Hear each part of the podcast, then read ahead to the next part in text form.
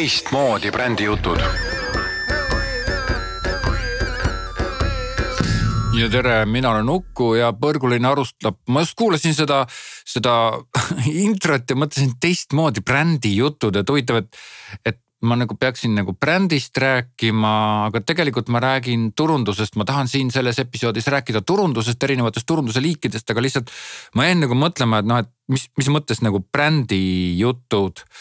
Aga tegelikult ütleme, turunduse kogu see asi nagu läheb sinna, jah ja ei, ei tegelikult, tegelikult okei okay., see brändi, see brändi jutud on ikkagi väga okei okay,, sellepärast et ta sobib siia väga hästi, sest et võib-olla selle episoodi esimeses pooles siis käsitleme siukseid traditsionaalsemaid äh, turunduse meetodeid või noh, üldse turunduse viise, kuidas turundust teha ja siis turundustegevusi ja siis selle episoodi teises pooles võib-olla natukene vaatame üle siis sihukest, mida ütleme ebatraditsioonilisemaid meetodeid, kuidas turundust teha. Mm, aga jah, aluseks on ikkagi bränd ja ma olen endiselt sellel arvamusel, et kõik asi lähtub brändist, ehk siis kui eelnevalt, eelnevatel aastatel, isegi aastakümnetel on üldse kogu turundus olnud, ütleme teravik on alati olnud turundustegevustel ja see bränd ehk siis see sisu või see, see nii-öelda algseeme on olnud võib-olla natuke sihukeses vaeslapse osas, aga nüüd siis ikkagi see suur seierikene, kui me kujutame, kujutame ette, et nagu et ühe, ühele poole on kirjutatud siis nagu see turundustegevus ehk siis ja, ja teise poole on kirjutatud siis see alge, et siis nüüd see seier kipub selle turundustegevuse koha pealt nagu nihkuma sinna selle alge koha peale, ehk siis see on see bränd, see on see ajend, see on see lugu. see on siis sinu, sinu, sinu brändi nagu story, see tõuseb nagu järjest rohkem ja rohkem esile ja, ja, ja ta hakkab juhtima kõike seda, mida sa teed, et siin ei peagi täpselt olema, aga mida ma teen, kas me paneme bänneri või me paneme hoopis mingisuguse, ma ei tea, artikli kusagile ajalehte, et noh, see tähendab, see, see, see kõik on ka väga tähtis, aga ta ei ole sugugi niivõrd tähtis, okei okay,, aitab mulast.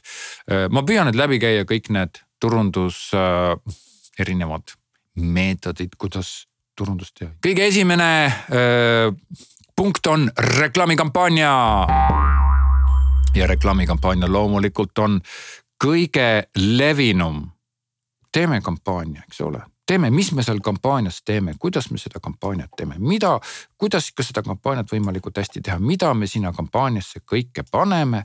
ja mida me seal teeme, ega mina olen oma kõige selles turundusjuttude rääkimises olen hästi palju seda kampaaniast, seda teemat nagu käsitlenud ja oma töös olen palju kampaania teemat käsitlenud ja. ja see on, on turunduslikult kahtlemata väga oluline asi, oluline teema, oluline nii-öelda punkt, mida käsitleda aga, aga mul on natuke ka sihukene tunne, et kohati, kui öeldakse kampaania, siis pigem öeldakse kampaania, tähendab, kui lepitakse kokku, et okei okay,, et no teeme kampaania. siis nagu minnakse sinna mingisugusele trafarettide põllule, kus on kindlaks välja, kindlaks määratud, välja kujunenud mingid asjad, mida teha ja loomulikult ka igasugused meediakanalid, kõik, et noh, et ütleme ka nagu äh, need meediaagentuurid, ahah ja reklaamiagentuurid, okei okay,, et kampaania nii, et nüüd läks, et kampaania, et see on nagu see. ja, ja loomulikult noh, kes olen mina siin, et seda nüüd ütelda. aga teate, kui palju on näha seda mõttetut, igavat, mitte midagi ütlevat kampaaniategevust, kus sa näed, kus on lihtsalt kahju sellest, et inimesed on niimoodi punnitanud, reklaamitegijad on niimoodi punnitanud, kõik, kes on selle meediaga tegelenud, on kõik niimoodi punnitanud ja kõik on teinud ja jamanud ja planeerinud ja kujundanud ja rääkinud ja. ja sellest kõigest tuleb midagi sihukest jõle keskpärast, ehk siis ma, ma ei ütle, et reklaam on paha aga ma näen seda, et kampaania on omamoodi trafaretiks ja selles trafaretis käitutakse teatud mustreid pidi, mis on igavad ja, ja, ja mis ei tööta. ehk siis headel juhtudel siis kampaania alati töötab nagu väga hästi ja erinevates kanalites lastav reklaam mõjub tänu sellele, et ta on nagu omamoodi ja loominguliselt igale poole tehtud, ta mõjub väga hästi ja ta toob selle vajaliku tähelepanu, ta toob selle müügitõusu ja mitte ainult selle müügitõusu, vaid ka ta tõstab nagu brändi teadlikkust ja need müügid nii-öelda ikkagi omavad sellist tõusvat tendentsi, kuigi nad võivad ka vahepeal langeda, siis, siis, siis kampaania on, on nagu väga okei lahendus ja halbadel juhtudel on siis noh reklaamikampaania on sihukene jälle, jälle mingisugune kampaania, millest inimesed mida inimesed ei näe, millest vaadatakse mööda, tulevad kohale need, keda huvitab mingi allahindlus. ja siis pärast kaks nädalat peale selle, kui sinul oli kampaania, siis, siis on see, kelle, sinu konkurendil kampaania, siis kõik lähevad sinna, ehk siis noh nagu ehituspoed Eestis, eks ole, K-Rauta ja Bau, Bauhof, Bauhof jah, noh täpselt niimoodi kordamööda isegi samal ajal, eks ole, tule siia, tule siia, tule siia, tule siia, nagu sihuke jaa, miks ka mitte, loomulikult see töötab väga hästi, aga, aga noh siit see, selle reklaami eesmärk on nagu kaldunud täiesti ära, kogu selle reklaamitegevuse eesmärk ja, ja olgem ausad. ja olgem ausad, on ka trafaretne sõna. ma ütlen just nimelt, olgem ausad, kumbki bränd ei tule siit välja, nad on lihtsalt odavmüügimasinad, nad on hulgilaod, mis toovad ehituskaupa ja igasugust muud träna ja võistlevad selle nimel, kes saab kõige odavama hinna teha ja loomulikult võistlevad selle üle, kes selle odava hinna pealt saab kõige parema kasumi. jube, aga jällegi see on äri, kes mina olen, et ütelda, kas see on õige, kas see on vale mis mulle siinkohal muret teeb, on see, et nad justkui reostavad turundus maailma turundusmaastikku ja väga paljud need, kes turundusega vähem tegelevad, hakkavad nendest alateadlikult, isegi mitte teadlikult, alateadlikult šnitti võtma. Ja nad nagu noh, nagu pr prügistavad kogu selle reklaamiploki, kui turundusmaailma, kõik on kogu aeg sihuke ainult allahindluste pakkumine ja ikka tekib mõnel teisel inimesel ka idee, et, et oi, kuule, aga teeme ka, vaata kui hästi see töötas, teeme ka. Nii et reklaamikampaania mm, on väga tõhus turundustegevus. mulle tundub, et võib-olla selle uue aja vaates, kus ütleme, see teravik ja see olulisus on ikkagi brändi ja selle loo ja selle, selle kuvandi peal, et ma ei tea, ma ei tea, kuidas see kuidas see reklaamikampaania enam töötab, no ju ta siis töötab, ju ta siis töötab. aga jällegi hoopis olulisemaks muutub see, mida sa teed enne seda kui, kui nüüd see reklaamikampaania tuleb, et see reklaam, reklaamikampaania on nagu üks osake sinu turundusrange'ist, aga, aga ta ei ole mitte nüüd see asi, the thing, eks ole, mida sa teed, et noh, et näed, me siin tegime kampaania, nüüd ootame, et kõik tulevad meile nagu midagi tegema. aga eelnevalt sa ei ole mitte midagi teinud, siis reklaamikampaania üksinda ei ole nagu mitte kunagi see, mis sulle selle, selle suure võidu nagu koju toob, jah, ta võib sul tõsta. aga, aga, aga noh ta ütleme, see turundusmaailm ja üldse kogu see reklaamimaailm on niivõrd täis kõike seda, niivõrd palju tehakse kõike seda ja samamoodi on ka siukseid teadja mehi, tarkureid nagu mina siin, eks ole. Neid on ka väga palju, kõik räägivad, igaüks räägib omast asjast. mina ikkagi soovitan kuulata mind ennast ja ses mõttes, et ära kuula mind, aga, aga kuula minu sõnumit, et sõnum on see, et pea olulisemaks alati seda nii-öelda kuvandit, seda lugu ja need üksikud tegevused ei ole need, mis sulle selle võidu koju toovad, juhul kui sa ei ole selle looga eelnevalt tegelenud ja võtame nüüd järgmise punkti, kuna nüüd ma lähen nagu lobisema ära. sisuturundus ja sisuturundus on ka midagi, kipub olema midagi sellist, mis, mis nagu noh, mida jube palju tehakse, eks ole väga paljud äh, räägivad, et aa sisuturundus, see on surnud ja kes neid artikleid jõuab lugeda ja kes neid videosi viitsib vaadata ja kes see kõike seda, ma ei tea, asja viitsib nagu läbi käia mm,. ja mina, minu käsitlus on see, et kogu meie postsovjetlik äh, kapitalism tuleneb hästi sellisest banaanikapitalismist, et noh, et, et ilma sisuta sa lihtsalt tuled ja teed midagi ja see toob sulle räige edu, aga sa ise sina, ettevõtte juht, sa jumala eest, sa ei pea süvenema, sa ei pea tegelema brändiga, sa ei pea tegelema nii-öelda nende noh, väärtusmaailmadega, sa lihtsalt tegeled sellega, et ma müün oma mutrivõtit võimalikult odavalt ja kõik seo, et noh, et sa noh. ja si-, ütleme sellest vaatenurgast tõepoolest sisuturundus täiesti mõttetu asi, eks ole ju, ja väga suur osa sisuturundusest tehaksegi, mis seal salata tellitakse kusagilt midagi, tõlgitakse lihtsalt, ah paneme ära, teeme selle jutu ära, noh siis on meil ta olemas ja vaatame, näed, ei tulnud inimesed jälle lugema, pagan küll, mis sa, mis sa teed, näed, inimesed ei tahtnud meie sisuturundust, et noh, et see kõik tehakse kuidagi formaalselt, sellest puudub see isiklik ajend, sisemine ajend rääkida asju. ja tõesti, sisuturundus sellisel puhul ei tööta. tellitud asi lihtsalt nürilt ära kirjeldatud, tuimalt. et sa võtad täiesti suvalise inimese, kes, kes nagu teeb seda sisu turundamist, mingisuguseid videosid või siis asju, artikleid või siis ma ei tea, kasvõi podcast'e näiteks. et noh, et teeb neid kuidagi tuimalt.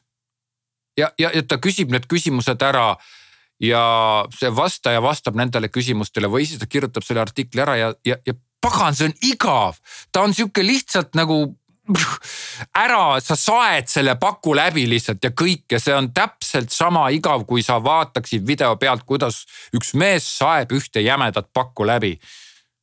paku saagimine, eks ole, heal juhul on ta ikkagi nüüd see nii-öelda teravik on ikkagi selle sisu peal, selle, selle brändi, selle kuvandi, selle, selle väärtusmaailma, selle kõige selle nii-öelda innustava sisu peal ja siis, siis on tõesti tekib, et tegelikult sa võib-olla selle reklaamiga sa ei saagi ära rääkida seda kõike, sa pead oma lugu rääkima.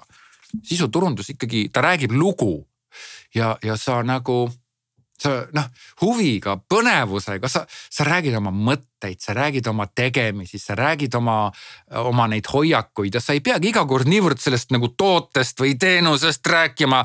kuidas siis meie investeerimisportfell ennast ära õiendab. tulge meile kõik investeerima nüüd, eks ole, samas on see kogu see investeerimismaailm on absoluutselt nagu, ta on segane. või ma ei tea, sa, sa ju praegu kuulad seda episoodi, kas, kas sina kui sa, kui sa oled investeerija, siis sa ei pea vastama sellele küsimusele, aga kui sa ei ole investor näiteks, kui sa, kui sa ei tegele investeerimisega, kuidas sulle tundub, kas, kas investeerimise maailm on lihtne, lihtsalt üles ehitatud või millist kuvandit sellest kogu sellest investeerimismaailmast kujundatakse, kuidas sulle tundub? Minule näiteks tundub niimoodi, et esiteks see on hästi sihuke priviligeeritud, hoolimata sellest, et seda propageeritakse kõigile. teiseks on investeerimine mm, hästi sihuke, sihuke keeruline. kogu aeg räägitakse, kui keeruline see on, kui palju seal asju on ja kuidas erinevaid asju teha. kuidas sa võid kogu aeg uppi lennata, kuidas sul võib halvasti minna. kolmandaks on kogu see investeerimine ka mingisuguste niisuguste väravate või mingisuguse asja taha, et noh, et ühesõnaga kogu see investeerimise maailm on, on hästi keeruline, miks ma sinna invest-, miks ma investeerimisest räägin, ma ei teagi võib-olla ma lihtsalt tahan lobiseda. igal juhul, kui üks investeerija tahaks rääkida sisuturunduses investeerimisest, siis ma soovitan. ja kui ta näiteks tahaks oma investeerimise teenuseid pakkuda, siis ma soovitan tal mitte rääkida teisele investeerijale oma keerulises ja mõttetult komplitseeritud investeerimise keeles, vaid rääkida tavalisele inimesele oma nendest mõtetest ja, ja, ja oma ideedest ja oma, mis selle investeerimise taga siis on, okei okay,, nüüd ma läksin, ma ei tea, investeerimisse ühesõnaga sisuturundus, ka tavaline saekaater võib teha sisuturundust, sest tegelikult üks asi on jah see, et saekaater, mis see, mis see lauameeter maksab, jooksev meeter. mis see laua jooksev meeter maksab või noh, kui paks see laud on, kas ta ikka on sul sirge, eks ole, noh et tegelikult nagu puude saagimisel on ju ka niivõrd palju igasugust muud asja võib-olla sina ei võta oma saekaatri business'it sellisena, aga tegelikult seal on ka, millal see puu on maha võetud ja kuidas ta käitub pärast ja miks mõned lauad lähevad kõveraks, ah vasta, sul on ju saekaater, miks lähevad mõned lauad kõveraks? mine vaata seal Bauhofis, võta sealt välja need lauad. seal müügisaalis on lauad ja noh propelleris, eks ole, kuidas see käib, miks, mina, mina ei tea, aga ma olen kusa-, ma arvan, et ma olen kusagilt midagi kuulnud, ehk siis nagu sa näed väga lihtsatel ja ka väga komplitseeritud teemadel on asju, mida rääkida, kas sa teed seda videona, kas sa teed seda artiklina, kas sa, ma ei tea, tellid selle sisse. kui sa sisse tellid, sa pead vaatama, et sinu tellitud teos mille keegi sulle kirjutas või filmis või tegi või rääkis, et ta oleks nagu huvitav, et ta oleks nagu põnev, et see inimene, kes seda kirjutab või teeb, ise ka nii arvaks, mind räigelt häirib see, kuidas vahepeal Äripäeva raadios, palun vabandust, Äripäev. kohati on see need sisuturundussaade, see on need sisuturundussaade, need inimesed nagu, need küsimused loetakse maha, nad on siuksed, sihuke, sihuke tunne nagu tead ma ei oska öelda, ma ei oska kujutada, noh nagu su, suvel veetakse sind nagu mingisuguse lepa, mitte lepase reega, suvel veetakse sind kelguga mööda asfalti ringi, täpselt sihuke tunne on, sihuke raske, sihuke jah, ta läheb edasi, aga ta on lihtsalt nii veider ja nii kohmakas. ehk siis headel juhtudel sa räägid tõesti nagu oma südamest ja halbadel juhtudel see on üks lihtsalt formaalne jama järgmine turunduse liik, mida võib-olla sa isegi ei pea turunduse liigiks, aga ikkagi, mis on minu meelest üks väga jõuline ja väga kihvt turunduse liik on üritusturundus. ükstapuha, milline see üritus siis on Ku,. kuidas sa seda üritust nagu üldse kokku paned, kuidas sa seda üritust teed? kas see üritus on pressikonverents? kas see üritus on pidu? Kas see üritus on degustatsioon, degusteerimine, kas see üritus on mingisugune, ma ei tea, no et ongi mingid, peetakse kõnesid. kas ta on võib-olla mingisuguses Tallinnas aut-, trammi, pargitrammis. või on see üritus Estonia saalis frakkides mehed vaotavad sõdu ju. tähendab üritusest ma pean tunnistama, et, et üritusel on ka nii häid kui halbu vorme mis on üritusturunduse eelised? hästi isiklik suhe, hästi isiklik suhe, isegi, isegi sellisel puhul, kui, kui üritus, ütleme, ei ole mitte sinu klientidele, vaid sinu potentsiaalsetele klientidele või mingitele influencer itele, keda sa nii-öelda toidad ohjeldamatult on ju. isegi siis see, see kogemus on ikkagi isiklik ja see isiklik asi kipub olema hästi tähtis, et noh, et kirja teel on võib-olla isiklikuks raskem saada aga ürituse puhul see, see inimene ju ise mõjub niimoodi, et kui sa, kui sa üritust korraldad üldse üritusturundusega tegeled, sa pead tegelema üritusturundusega, siis alati veendu, et see kogemus oleks isiklik. kuidas teha siis mitteisiklikku turundust, üritusturundust, väga lihtne. Sa ei anna ise isegi näole, sa lased selle, tellid mingit üritusturunduse nagu agentuurilt, tellid selle sisse ja lased ära orgunnida selle. Ja ongi vsjo, korras on ju, üritus tehtud toideti inimesed ära, joodeti ka, anti neile kingitused, peeti kõned ära, räägiti toote headest omadustest ja kõik. ja sind seal ei olnud, sellepärast et sa, aga ma ei ole nii väga hea kõnemees on ju ja, ja so what. sa pead isiklikult minema, üritusturunduse eesmärk on isiklik suhe. jäta meelde, isiklik suhe, kõik isegi see ei pea olema nii, sa ei pea neid kaaviari võileibu just pakkuma, sa võid ka lihtsalt, ma ei tea, vorstivõileibu pakkuda, usu mind, lase sinna kurgiviil peale panna ja on juba väga hea, eks ole. tass kohvi ja inimesed tahavad juttu rääkida, inimesed tahavad isiklikkust. miks ma nii emotsionaalne olen? jällegi ka siin üritusturunduses on väga palju formaalset väga paljud siuksed keskastme üritused tehakse mingid siuksed noh, lihtsalt ah, teeme ära ja kõik on ja, ja, ja ma, ma, ma ei teagi. Või siis kutsutakse siuksed inimesed, kes või siis nagu lihtsalt hõigatakse välja, meil on üritus, ühesõnaga positiivsel juhul see, see üritusturundus on ikkagi väga jõuline, väga tugev ja, ja sa esiteks noh, sa muidugi müüd oma toodet, teenust, firmat, mida iganes, nime, brändi, whatever, eks ole. teiseks sa, sa tugevdad seda sidet, see on isiklik side ja see on väga oluline, nii et kui sul on ka nagu müügimehed või müügiinimesed, siis vaata, et nad käiksid ürituse ajal ringi ja räägiksid kõigega, räägi, räägi, suhtle, suhtle, räägi, räägi, suhtle, suhtle. formaalsed inimesed on täiesti out, nii et see töötab väga hästi. negatiivsel juhul sa tavaliselt toidad neid, keda nagunii toidetakse teed üritusi, mille, mille sarnaseid on nendele inimestele, keda sa nagunii tahad, et seal osaleksid. Nad käivad niikuinii seal. Nad ühelt tulevad, teisele lähevad, nad, on tüdinud sellest, nad lihtsalt tulevad, nad tahavad saada liha ja, ja kartulit ja kui kartul saab otsa, siis nad ütlevad kelnerile, et kuulge, tooge mulle kartulit juurde. ja kõik ja nad, neil polegi meeles see, mis see üritus on, teine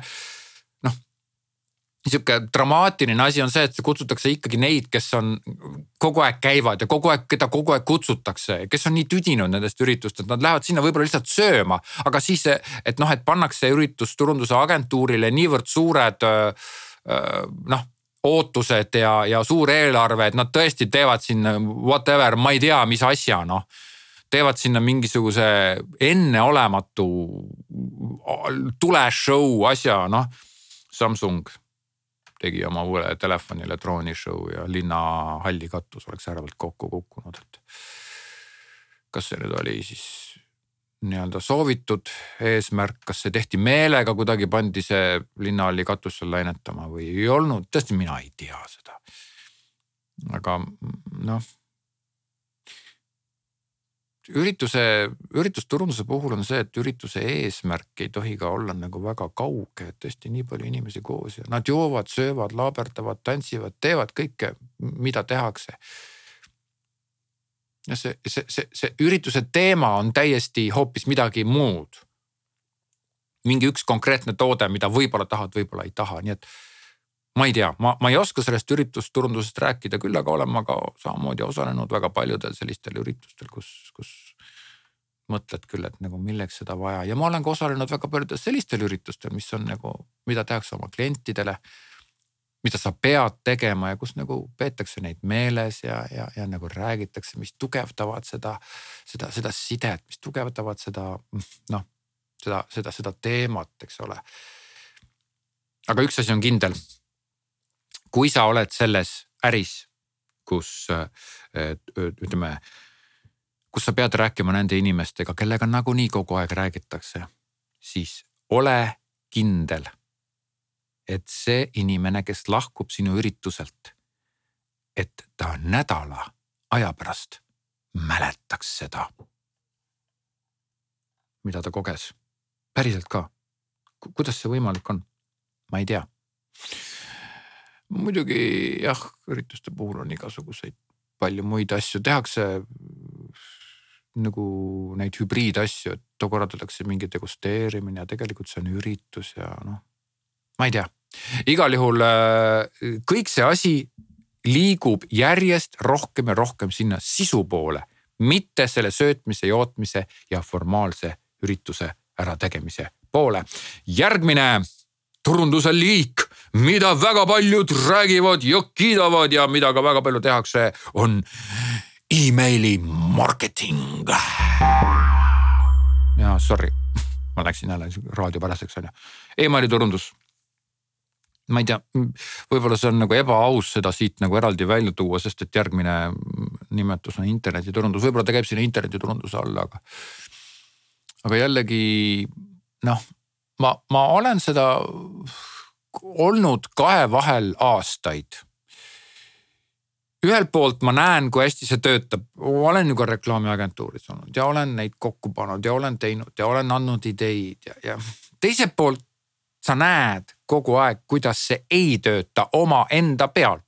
okei okay,, lepime kokku, et mina, minule isiklikult need üritusturunduse või vabandust, minule isiklikult need emaili igasugused asjad ei meeldi. Mõned väga harvad meeldivad ja isegi siis muideks, kui, kui sa saad selle emaili ja ta on jube hästi kirjutatud, on tõsiselt hästi kirjutatud. siis, kui sa saad teist korda, kui sa saad kolmandat korda, viiendat korda, kümnendat korda selle, ma ei viitsi lugeda siis enam neid. kui harva neid siis peaks saatma? kord aastas või? noh jah, seda emaili turundust ütleme ikkagi tehakse küll nii, küll naa. Mm, tegelikult on ka see, et, et äh, ajakirjandus kasutab päris palju seda, et noh, et seda sisu tuua välja, et noh, sul on nagu lihtsam, et sa nagu et sa, et see emaili mm, turundus töötab nagu mingisuguse protsessi lihtsustamine, et see, et uued artiklid, uued teemad tulevad sulle kohe juba postkasti. sa vaatad, viskad nagu mm, silmadega üle pealkirja või sa vaatad nagu pealkirjad ära ja seal ei olegi väga rohkem teksti, võib-olla üks liidlause ainult on, et noh, et jah, võib-olla, võib-olla, võib-olla. samas ma olen ka jällegi kuulnud mitmeid müügiinimesi, kes räägivad oh,, räigelt hästi, töötab nagu nii hästi, nagu ei ole võimalik. Conversion rate on nagu nii uskumatu ja, ja, ja teate, siukseid asju ma kardangi kõige rohkem. Et lihtsalt kusagilt räägitakse, et emaili marketing on kõige parem asi maailmas üldse. Ever ja, ja jällegi hakatakse tegema ja pannakse need teemad kokku, särgid, värgid, tootereklaamid, asjad kõik ma ei tea.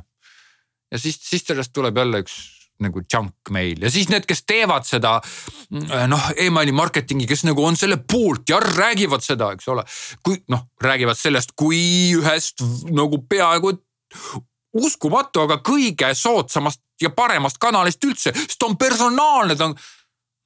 siis need, need ütlevad ka, et ja, ja no niikuinii pooltel läheb see junk pooltel läheb see junki, ma ei, ma ei tea. Ühesõnaga, mis, mis on minu hoiak, ma saan siin rääkida enda hoiangust, hoiakust, et ma, ma, mul ei ole nagu mingisuguseid konkreetseid numbreid sulle siin praegu ütelda, aga hoiak on see. mida formaalsemaks see asi läheb, seda kahtlasem see asi on. mida tihedamalt sa teed, seda kahtlasem see asi on kui sa teed näiteks iga üle päeva või nädalas kaks korda, no ma ei tea, kes see tahab saada sult nädalas kaks korda mingisuguseid asju. võib-olla keegi, kes ootab mingisuguseid tulemusi nagu mingit loterii, ma ei tea, loosinumbreid või ma, ma ei tea, mis asju või noh. igal juhul email on jah, ta on väga hea, jah, on okei okay suhelda ja on okei okay,, et ta töötab. aga jällegi sama lugu, ta töötab siis, kui ta on isiklik ta töötab siis, kui sa tahad saada seda, siis kui see pakub sulle päriselt ka huvi. olen kuulnud, kuidas emaili turundusest rääkides siis nii-öelda ettekandja räägib, no ja, ma tellisin sellest firmast omale nagu mingi söögi, ma ei tea, lõunapakkumiste kohta ja sealt tuleb mulle nii mõnus, eks ole. hommikul kohe vaatad ära, et mida sa siis äh, peaksid jällegi sööma. ja, ja väga mõnus, eks ole, töötab väga hästi, minu puhul küll täiesti päriselt, ma hea meelega maksaksin neile ka nagu, ühesõnaga kõik, kõik see jutt. kõik see jutt on nagu väga fantastiline. minu nägemuses on emaili turundus ikkagi midagi sellist, mida ei tohi ära lörtsida, sellepärast et nii lihtne on seda vajutada unsubscribe, loobu emailist. ja see, ja see kõik toimub formaalsuse põhjusel, aga mind tüütasid need emailid ära mind tüütasid ära need, mõnedele inimestele meeldivad pakkumised. aga mõtelge nüüd nendele inimestele, kelle meeldivad pakkumised, näiteks väga palju mobiilioperaatorid oma liitumises kohe, kas sa soovid saada ka meilt sooduspakkumise emaile? no need, kellele meeldivad need sooduspakkumised, aga noh, need, need ongi need sooduspakkumise kliendid. et mida sa kasvatad seeläbi, müüki või? okei okay,, võib-olla tõesti jah ma ei oska, ma ei oska isegi iseendaga argumenteerida siin. ma ei usu emaili marketingi, ma ei usu, et see töötab, ma usun sellesse, et on olemas teatud hetkedel teatud emailid, mis tulevad automaatselt või mis tulevad, saadetakse kord aastas, kaks korda aastas, ma usun nendesse, nad töötavad jube hästi. aga niimoodi, et sa saad kogu aeg pidevalt mingisuguseid email'e, mis nagu kukuvad, sa pead tegelema nendega, nad jälle tulevad sulle jälle mingi pling-pling, jälle mingi asi tuli sulle, aa, see on see asi, et noh, et jah, ma ei tea, minu arust ta mingil ajal oli väga populaarne, aga minu meelest peaks emailiga käsit-, käituma väga ettevaatlikult ja põhjus on selles, et email on niivõrd isiklik asi.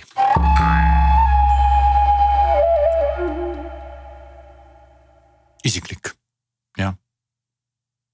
kui sa isikliku asjaga munad, siis põhimõtteliselt sa munad ka brändiga ettevõttega sa oled formaalne.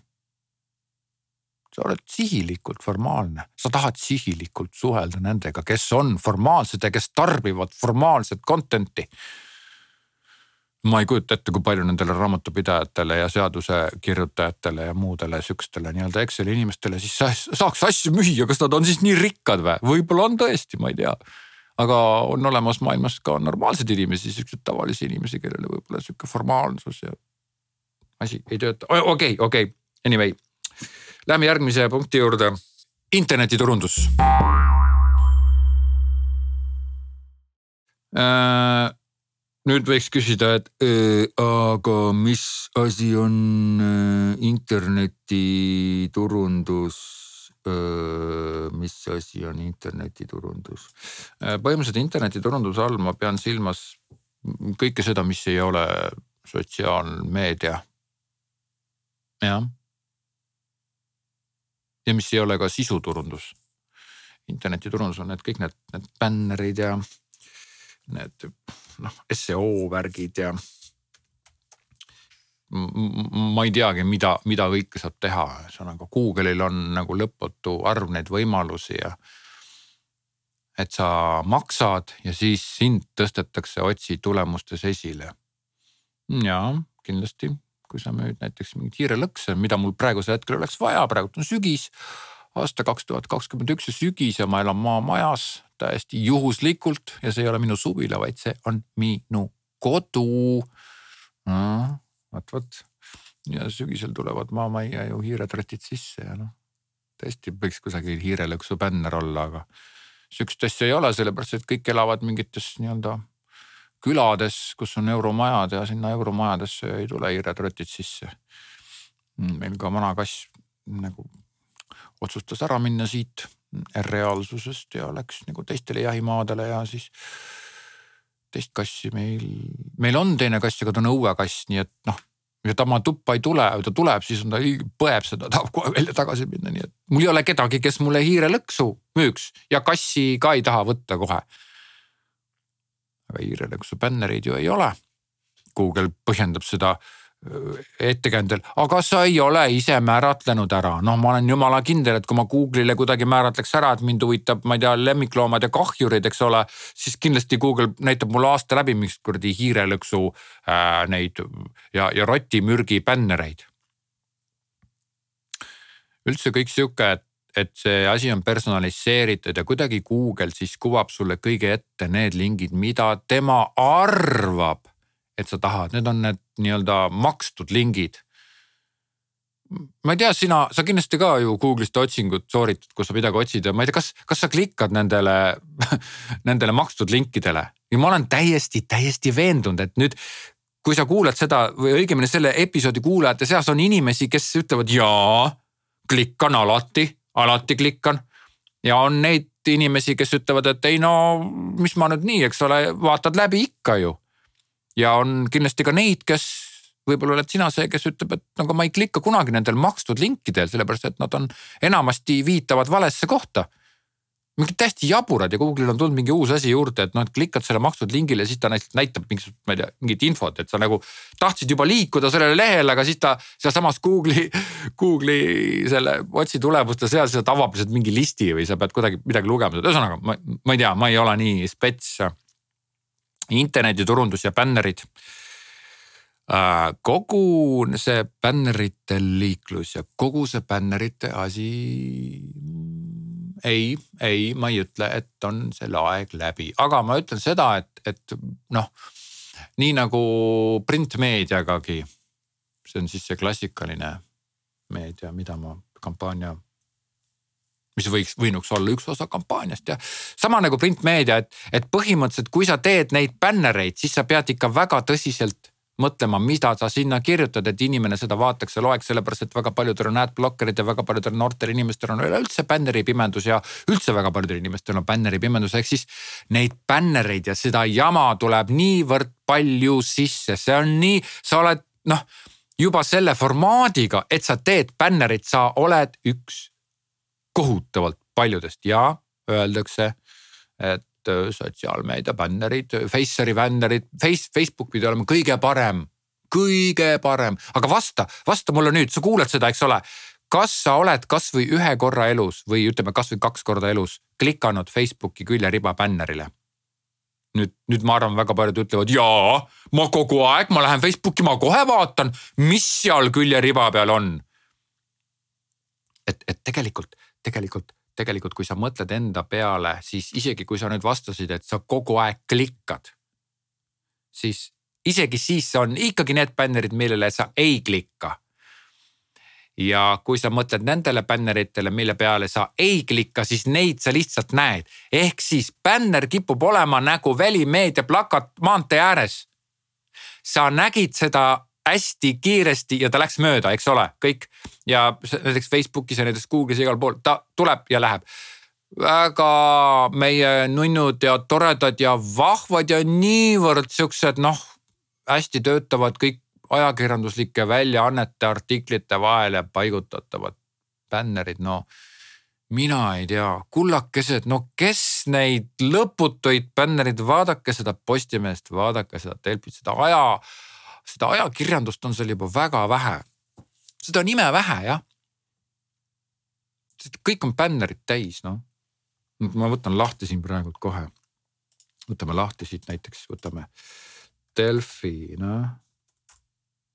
Delfi.ee, ma loen väga harva Delfit, aga noh okei okay,, no näe, see esilehel ei olegi nii nüüd ma endale pean vastu rääkima, eks ole. ei olegi nii, nüüd kerin natuke allapoole, siin tuleb okei okay, mingi Hansapost kusjuures suht viisakas bänner, edasi tuleb jälle ilus aeg ostma kaubamaja ja ma lähen kohe ostma ja Benderi kivikatused, noh suht, kusjuures suhteliselt viisakas on Delfil ja ei olegi nagu väga hull. Mm.. okei, okei, nüüd ma läksin ühe artikli peale, siis avaneb terve lehekülg mingisugust koorauda jama. ja ma klikkasin sinna peale ja nüüd ma läksin koorauda lehele. Goodbye Delfi ma armastasin sind väga, aga nüüd sa otsustasid minult, okei okay,, nüüd ma jõudsin Terviseameti lehele või tervise, terviseamet ööpäevaga lisandus kolmsada üheksakümmend üks koroonaka on nakatunud ja suri kolm inimest mm,. meil on siis seitsekümmend viis kommentaari.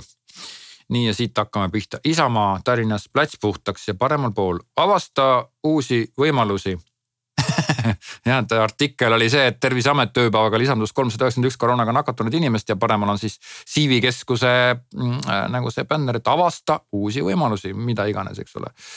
edasi tuleb siis suur Isamaa bänner, mis on ka nagu, ta on nagu jah, see saab kerida, et siis sa saad neid erinevaid lõustasi vaadata, Riho Terras, Tarmo Kruusimäe, Tarmo Kõuts, Mihkel Mutt, äh, Urmas Reinsalu Sven Sester, muideks Urmas Reinsalu teleklipis väga hästi esines, tõsiselt hästi Urmas jah. ma ei tea, kui nüüd, kui hea poliitik sa oled, äh, noh kindlasti sa nii-öelda Isamaa ridadest teed suuri asju, aga esinejana olid sa küll väga hea. Raivo Tamm ka nii vanaks tehtud, näed.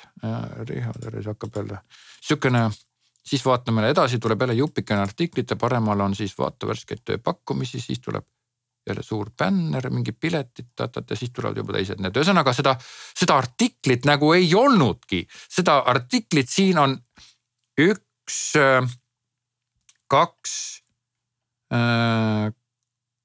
kolm, neli, viis, kuus, seitse lauset artiklit. ja reklaame on üks, kaks, kolm neli, viis, viis reklaami. ehk siis äh, viis-kuus reklaami. põhimõtteliselt seitse lauset teksti ja kuus reklaami. tõesti nagu ma ei, ma ei kujuta ette, noh, mis, mis asi see on? ja nüüd öeldakse, et oo, internet loeb, no erakondadest ma saan aru tõesti nagu nad, nad on nagu niivõrd nagu ma ei hakka poliitreklaami praegu, praegusel hetkel minema siin, aga noh, igal juhul ta on, ta on nagu väga keeruline, aga muideks Delfile jällegi nagu noh, lugupidamine, et jah, siin, siin all on ka ikka bänner, üleval on bänner. et see keskmine osa on suudetud kuidagimoodi, aga artikkel on täiesti mõttetu ilmselt mingi noor artikkel ah,, jaa, terviseameti pressiteade ilmselt oli siis see, mis avaldati, näed, kolmsada seitsekümmend üks inimest, kes nakatus koroonasse ja nüüd seda on siis jube tähtis, seda on kihvt vaadata ja ja nii edasi, tagasi, okei okay.. see selle, aga vaatame nüüd näiteks sihukest asja nagu edasi.org, nüüd te ütlete jälle, ohoo, see on mingi uhuu asi. okei okay., edasi.org, vaatame, kui palju siin on reklaami. Jaan Tallinn, ahaa, edasi, edasi enda reklaam, okei okay., siis on eh, Estate Guru, kas sinu pensioniplaanis on juba kinnisvarasammas? okei okay,, on üks bänner, siis on esilehel jälle bännereid vähem, on ainult artiklid ainult, aga paneme ühe artikli sisse, Mihkel Kangur süsteemsest mõtlemisest ja vaatame siit. üks bänner, kaks bännerit, teine liigub edasist ja no tunduvalt vähem, tunduvalt vähem äh, neid äh, reklaame, kohe on nagu puhtam, sa saad nagu lugeda ma ei ole kunagi ise tellinud ei Delfit ega Ekspressi ega mitte midagi sellist. ma ei tea, kuidas seal tellitud selle sees on, kas neil on vähem bännereid. ühesõnaga, kuhu ma tahtsin jõuda, point on selles, et internetireklaam. kui sina teed nagu seda otsiturundust, siis sinu seo asjad peavad olema korras. ja kui sina teed ka siis nii-öelda bännerturundust, siis ma soovitan teha bännerturundust nii Facebookis kui Google'is kord aastas. Kui sul on suurem business, kui sul on väiksem business, siis kord viie või kord kolme aasta jooksul näiteks. sellepärast, et Google ja, ja Google ja, ja Facebook, nad on siuksed gigandid ja nemad noh, no gigandid on nagu siuksed lohed, siuksed suured lohed, kes valitsevad enda arust kõike seda maa-ala ja, ja, ja sa pead talle vahel viskama paar kuldmünti, eks ole, paar veeringut, viska talle mõne aja tagant. ära hulluks mine, aga viska talle ja ta nii-öelda, ta lepib sellega, ta näeb, et sa oled tema usku. ja, talle, talle meeldib see aeg-ajalt lihtsalt, kui sul on ettevõte, siis sul ei võta ju tüki küljest ära. seo asjad peavad sul nagunii korras olema. seo on väga okei okay asi. kindlasti soovitan, sest seo õpetab ka sind ennast paremini kirjutama kui sa jälle ainult seo-le pühendad kogu oma elu ja kogu oma internetitegevusele, ka selliseid inimesi on olemas, võib-olla oled ka sina selline, ma ei tea. aga siis, siis jälle ka see artikkel muutub loetamatuks, kui sa oma sisu paned sisse, kui sa oma hinge paned sisse, kui sa oma kogu selle brändi, selle kuvandi, selle maailmavaate paned artiklisse sisse, siis sa pead lihtsalt arvestama seo reeglitega ja see on, on üks väga okei okay asi. makstud otsitulemused, ma ei tea noh, nagu ma ütlesin, kord kolme aasta jooksul viska sellele suurele lohemaole, viska neid veeringuid natukene, viska talle pillu. las ta siis saab. aga see on ka selge, et kui sind ei teata, kui see läheb mõttetusse kohta nagu väga paljud, kes Facebookis reklaami teevad. sponsoreeritud reklaamid, et sa reklaamid mõnda detaili, mõnda asja reklaamid, mõnda kaupa, mina olen, okei okay,, okei okay,, mina olen heliasjade hull ja vaata, ma otsin praegu omale monitori nüüd ma olen monitore siis klikanud siis klikkad monitori peale ja siis ta läheb mingi noh, nagu täiesti suvalehele, ta läheb näiteks sinna mm, äh, ma ei tea, kas Kaup kakskümmend neli või kusagile sinna ja seal on kümneid tuhandeid tooteid ja nüüd ma pean sellesama monitori sealt üles otsima. kas sa kulla mees nalja teed või? kuhu sa siis viid mind sinna või siis, kui sinu see mobiiliversioon sellest pagana kodulehest on niivõrd nagu pekkis, et tõesti, et selle jaoks, et selle asjani jõuda, sa pead nagu scroll ima neli kilomeetrit, no. ühesõnaga, asi peab olema lihtne. internetiturundus headel juhtudel on nii-öelda kõik, kõik hästi. ma leian, et bännerite aeg hakkab läbi saama, bänner on nii nagu välimeedia, see on, see sõnum peab olema sihukene, mis, mis tõesti nagu torkab silma, mida tõesti nähakse. aga, aga aeg hakkab läbi saama, see on külm töö eriti kui sa ei ole endale üldse mingisugust muud turundust teinud, siis sa teed bännerreklaami, see on jama noh, see on nagu külm sihuke. nüüd sa, äkki sa oled naisterahvas, kes seda kuulab praegult, äkki sa oled jah? siis naisterahvas, siis, siis kujuta ette, et, et on sihukene kaader sa oled naiste, sa oled viisakas naisterahvas, sa oled abielus, kõik on korras, eks ole, sul on lapsed, ilus kodu, ilus mees on ju. nüüd kujuta ette, et sa kõnnid kaader ja jaguneb kaheks, vasakul pool on mingisugune prostituutide tänav kusagil mingisugusel ma ei tea, kus need punaste laternate tänavad on, eks ole, ja paremal pool on nüüd see äh, Google'i see, see asjandus, Google, kus on mingid bännerid ja asjad. ja nüüd iga, sa, sa nagu kaameraga liigud paralleelselt edasi, Google scroll ib ülesse ja tänava peal sa näed, kuidas kaamera liigub edasi täpselt sama kiirusega ja nüüd iga kord, kui tuleb üks prostituut ette, siis täpselt sellel samal hetkel tuleb ette üks nagu mingi reklaam internetis või, või nagu müüdud pakkumine. ja nüüd ütle, kas sa sellel vasakpoolsel kaadril, kus oli see punaste laternate tänava taoline tänav, kus on prostituudid, kas sa siis nagu tõesti läheksid selle prostituudi juurde või? päriselt ka või? ei, sa ei lähe nüüd sa ütled küll, ei, minule on abielu väärtused kõige tähtsamad ja mina oma meest ei peta aga turunduses teed seda, mida sa tahad teha, on ju, sest sa oled turundusjuht. sa oled turundusjuht ja sina juhid seda. jah, ja oma koduses elus sa ei usu sellisesse nii-öelda külma suhtesse, aga turunduses usud, sellepärast et nii tehakse, nii peab tegema. bänner on külm suhe. bänner on prostituut. see on midagi, mis lahendab ajutiselt sinu lahenduse. kui sa arvad, et see sinu lahenduse, sinu, sinu vajaduse rahuldab, palun telli, tegele kauple, see on odav, kerge, lihtne ja siuksed inimesed on olemas ja see äri prostituudid ju ka endiselt on olemas ja, ja töötavad. ma arvan, see mitte, et mul sinnagi selle vastu oleks või poolt või ükstapuha mida. aga sa pead bännerite puhul ja siukse külma meedia puhul pead aru saama, et see on külm meedia, see on külm kontakt, see on külm kõne. tervist, kas teil on aega minuga kaks minutit rääkida? Aga millest te tahate rääkida? ma tahan teiega rääkida vaat sellest ja sellest, mingist mündist. teate tõesti mind, teie münt ei koti absoluutselt üldse ja siis ta paneb, ahah, nojah, siis aitäh, on ju nagu kust te võtate, et ma seda münti tahan ja miks sa pettunud oled, et sa toru ära paned siis? see ongi see külm suhtumine, hästi palju on külmi kontakte ja internetiturunduses on ka väga palju külmi kontakte ja nüüd te ütlete, et aga ma ei ole Google'ist ära määranud oma reklaamieelistused ja ma ei määra ka, ma ei mõtlegi määrata. ja siis ma ei saagi endale mõeldud reklaami, ma olen viiekümne kahe, viiekümne kolme, viiekümne kolme aastane ja sellest nii palju kui internetti on, ma olen seal käinud ja ma olen kogu aeg uurinud ühtesid ja samu asju, kui sa Google siiamaani pole aru saanud.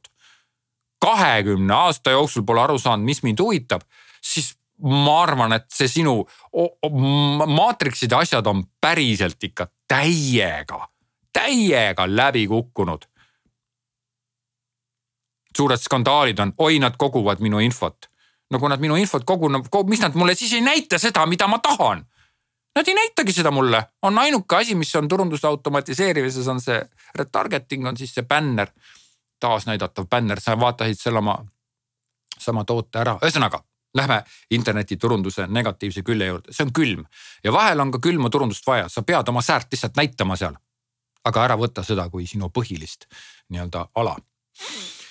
ja viimane, meie kõige viimasem ei, oot-oot, see ei ole viimane, me oleme täpselt keskel muideks praegult jah. meie nii-öelda ametlikust osast viimane meediakanal on sotsiaalmeedia oh yeah, see oleks kõige ägedam asi, sellepärast et millegipärast käsitletakse sotsiaalmeediat eraldi. tegelikult ma kirjutasin praegu siin selle nime siia juurde, sest ma mõtlesin, et noh, et seda kindlasti väga paljud tahavad kuulata. aga see, see, see sotsiaalmeedia on ju sama, mis sisuturundus, lihtsalt tal on, kehtivad natuke teised reeglid. nüüd, mis siis see sotsiaalmeedia on? Influencerlus postitused, videod, tekstid, bännerid, emotikoonid ja kõik sihuke muu asi. töötab väga hästi, töötab väga kihvtilt. endiselt üks ja seesama kujund, mida ma olen toonud aastaid ja, ja ma ei tüdine sellest ära, ma tean, et ma kordan ennast kogu aeg, aga mis teha, eks ole. sotsiaalmeedia on väga kasulik ja hea asi. sotsiaalmeedia, ütleme, kui sa võrdled sotsiaalmeediat nagu oma kodulehega, siis sotsiaalmeedia on jõgi. ja kui sa viskad sinna jõkke, siis viskad nagu peotäie puuseemneid, siis nad ujuvad ära. jah, võib-olla nad kusagil hakkavad kasvama, ma ei tea. aga kui sul on näiteks selja taga on mets ja see on sinu mets. sa viskad need peotäie puuseemned sinna metsa, siis nad suure tõenäosusega hakkavad kasvama. ja täpselt sellisena tuleb ka seda sotsiaalmeediat võtta, ehk siis minu jaoks sotsiaalmeedia puhul on kõige olulisem asi äh, järjepidevus. klikk minu arvamist mööda on surnud. like on surnud. seda näitavad ka kõik need igasugused Facebooki asjad, story'd, noh, sa vaatad selle story läbi TikTok siin teeb, eks ole, nüüd sa vaatad selle video läbi, see ongi nagu, nagu see. sihukene TikTok, eks ole. Story ongi nagu TikTok, sa vaatad nagu mingit televisiooni, sa vaatad nagu mingit meelelahutust, eks ole, mida inimesed sulle pakuvad. Jube, jube tüütu on, kui sinna meelelahutusse tuleb. Jälle mingi jube nagu see tavaline reklaambänner on ju. et umbes tegime kampaanias ja üks täpselt see üks sama bänner, et teeme täpselt sama kujunduse ja täpselt sama sõnumi ja paneme sinna story'sse ka siis. Ja paneme oma ajajoonde ka ettevõtte ajajoonde, aga meil hakkas nüüd kampaania, on ainukene lause, mis selle juures on, ehk siis sotsiaalmeedia puhul sa pead oskama jääda iseendaks ja olla selline, et sa oleksid sümpaatne. nüüd küsib kindlasti suur, suurem, kui sa oled näiteks suure metallitöötlemise tehase, ma ei tea, turundusjuht, siis sa küsid mu käest, et kuule, et aga come on, et meil on ju B2B ja kuidas ma saan seal mingit šalala asja rääkida, mingit oma personaalsest ja mingit oma ideedest ja oma, ma ei tea, väärtusmaailmast, siis tegelikult saab küll. iga teemaga, iga teemaga on see asi omamoodi ja igal pool on neid inimesi, kes on sellest teemast huvitatud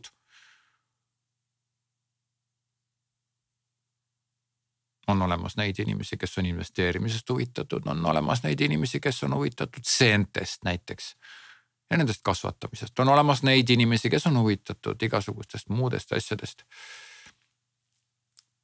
mida suurem on sinu sihtgrupp, näiteks müüd piimatooteid, seda üldrahvalikum peab olema sinu kõnetoon ja mida väiksem on sinu sihtgrupp, seda spetsiifilisem sa pead olema.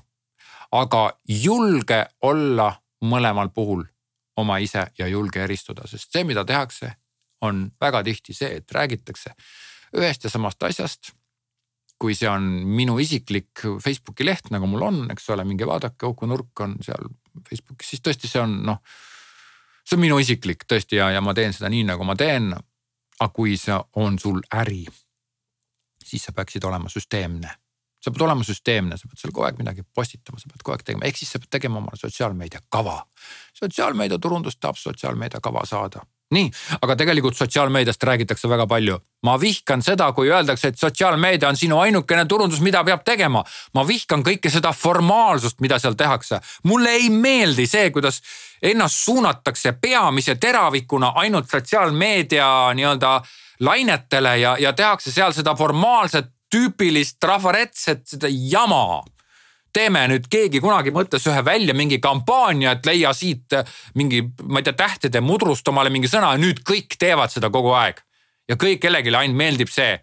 ja tõepoolest jah, tõesti kellelegi võib-olla meeldib see, aga see ju ei räägi sinu brändist mitte midagi.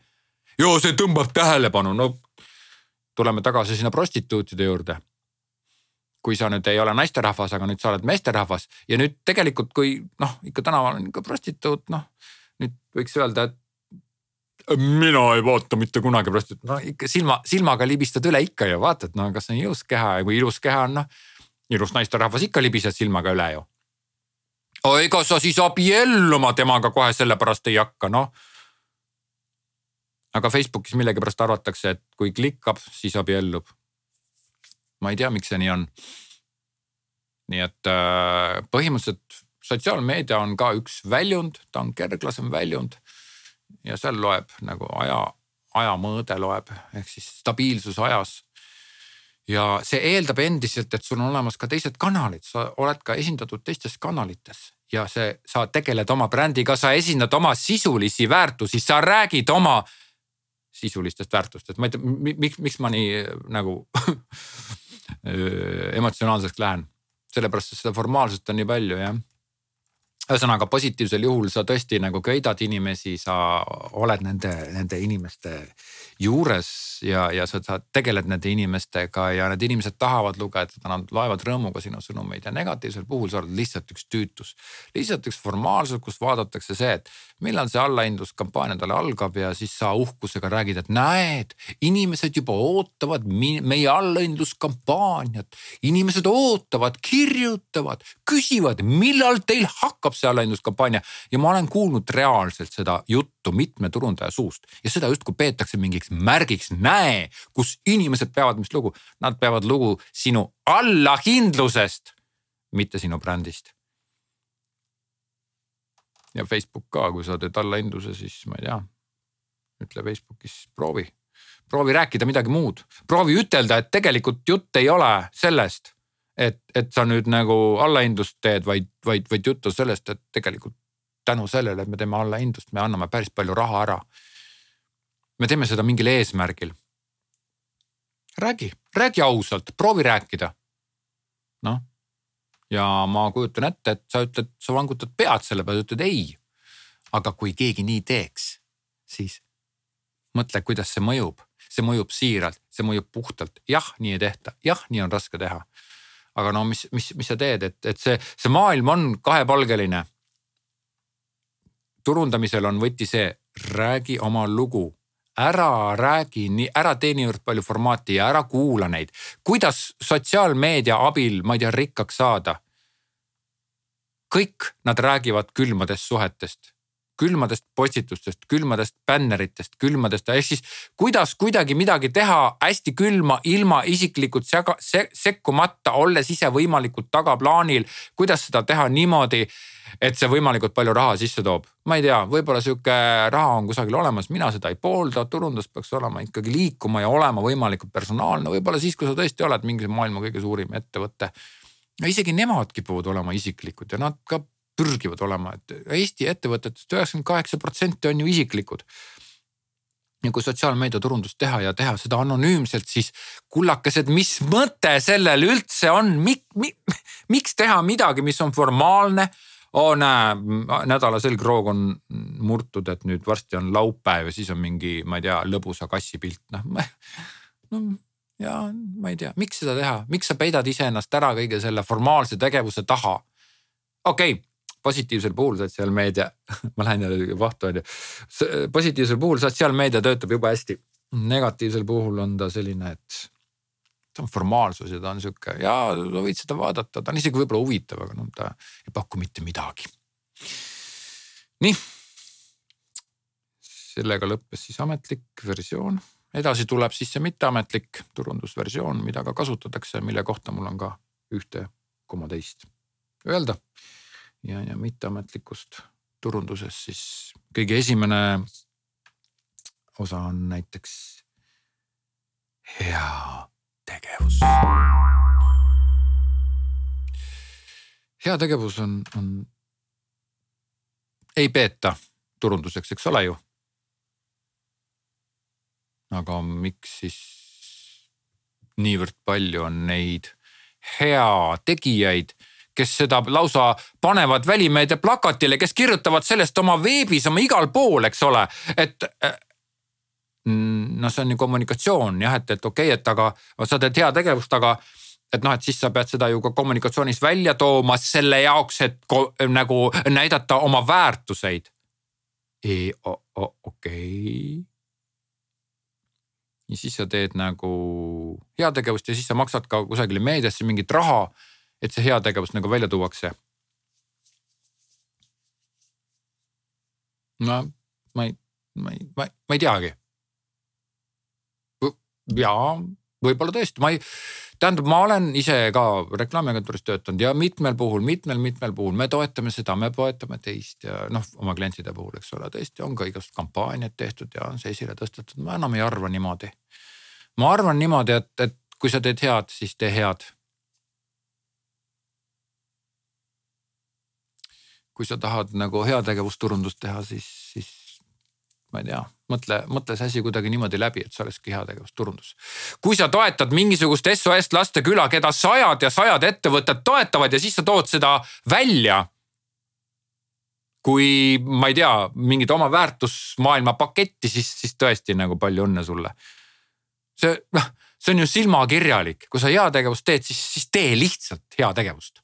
ja kui sa ei tee heategevust, siis ära tee heategevus on ju see, et sa teenisid omaenda tööga niivõrd palju kasumit, et sa saad sellest kasumist osakese ära anda. sa saad anda nendele, kes, kellel ei ole, kes ei saa ise teenida. sest et selle heategevusega on ju nii, et on terved organisatsioonid olemas, kes elavadki ainult heategevuse peal ja nende jaoks oled sina lihtsalt üks lehm, keda lüpsta, lihtsalt üks, kes maksab, kes lihtsalt läheb kusagile sinna, ma ei tea, nimekirja whatever asja. ja see on üks räpane ja vastik asi. räpane sellepärast, et tõesti, kui inimesel on häda, teda aidatakse, ma olen täitsa nõus. aga kui on jälle siuksed suured nii-öelda pajad, kuhu sa pead viskama raha, et see on justkui indulgents ehk siis äh, keskajal oli see jah, et umbes, et kui sa ikkagi oled pattu teinud, siis sa nagu annad kusagile, paned kirikusse mingit raha ja siis see nagu võtab sinu patud vähemaks, on ju. see on, ongi nagu indulgents ju, aga meil on ka, me teeme ka heategevust, me ikka tahame heategevust ka teha, me umbes viskasime sinna fondi, sinna fondi, sinna fondi, sinna fondi. jällegi, see pole minu asi öelda, et need fondid on valed. aga, aga noh, ma ei tea, miks sa seda siis esile tood, miks sa sellest räägid siis või, või, või okei okay,, miks sellest rääkida ei tohi siis heategevusest?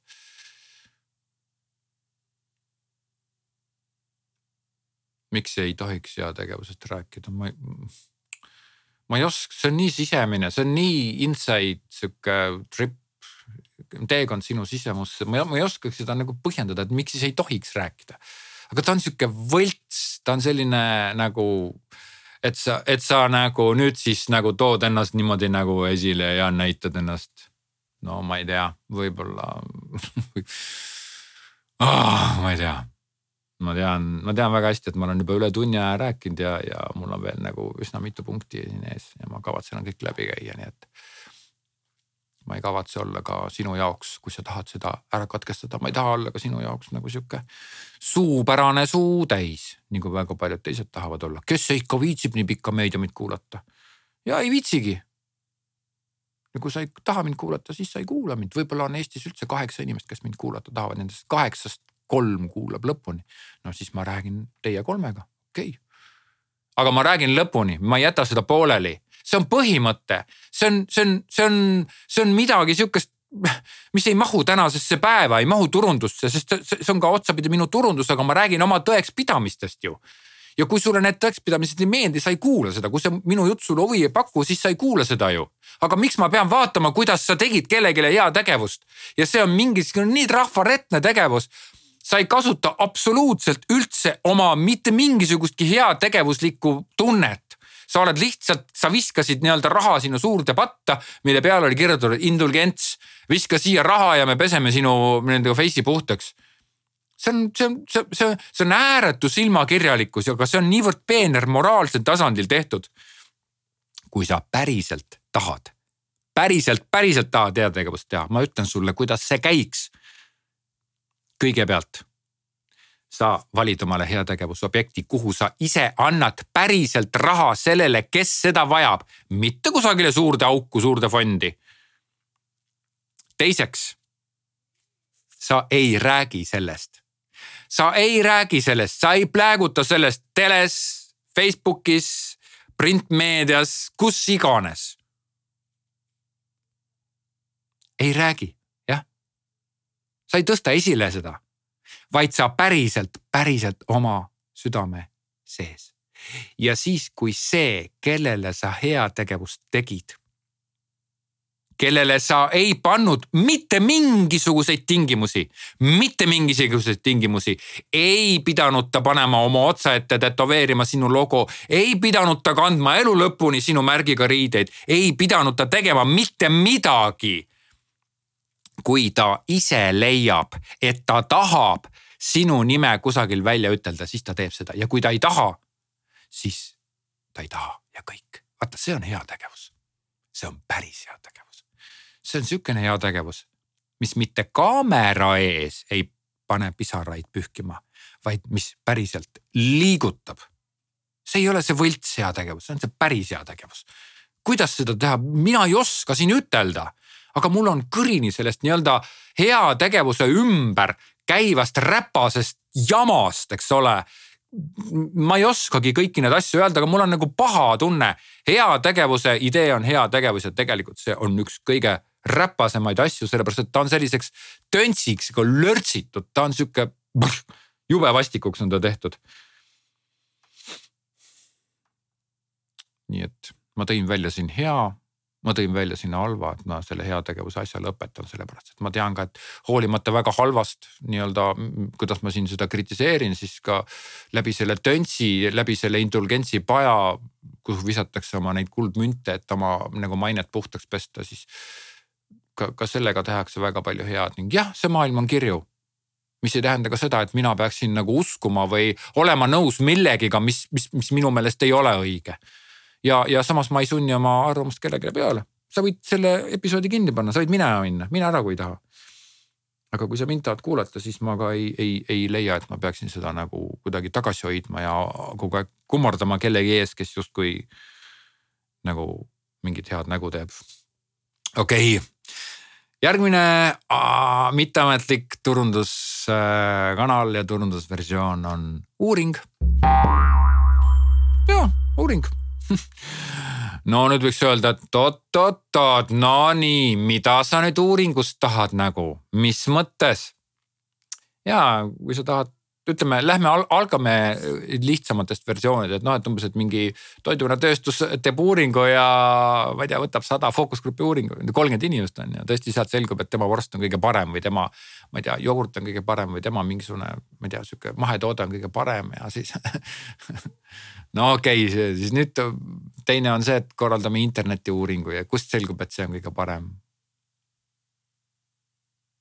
nagu mõni toiduainetöötaja ütleb, et näete, uuringute kohaselt kõige parim. või toiduainemessil kõige parim, et inimesed degusteerivad. see on nagu sihuke süütu ja see on tõesti noh, ikka tehakse uuringuid.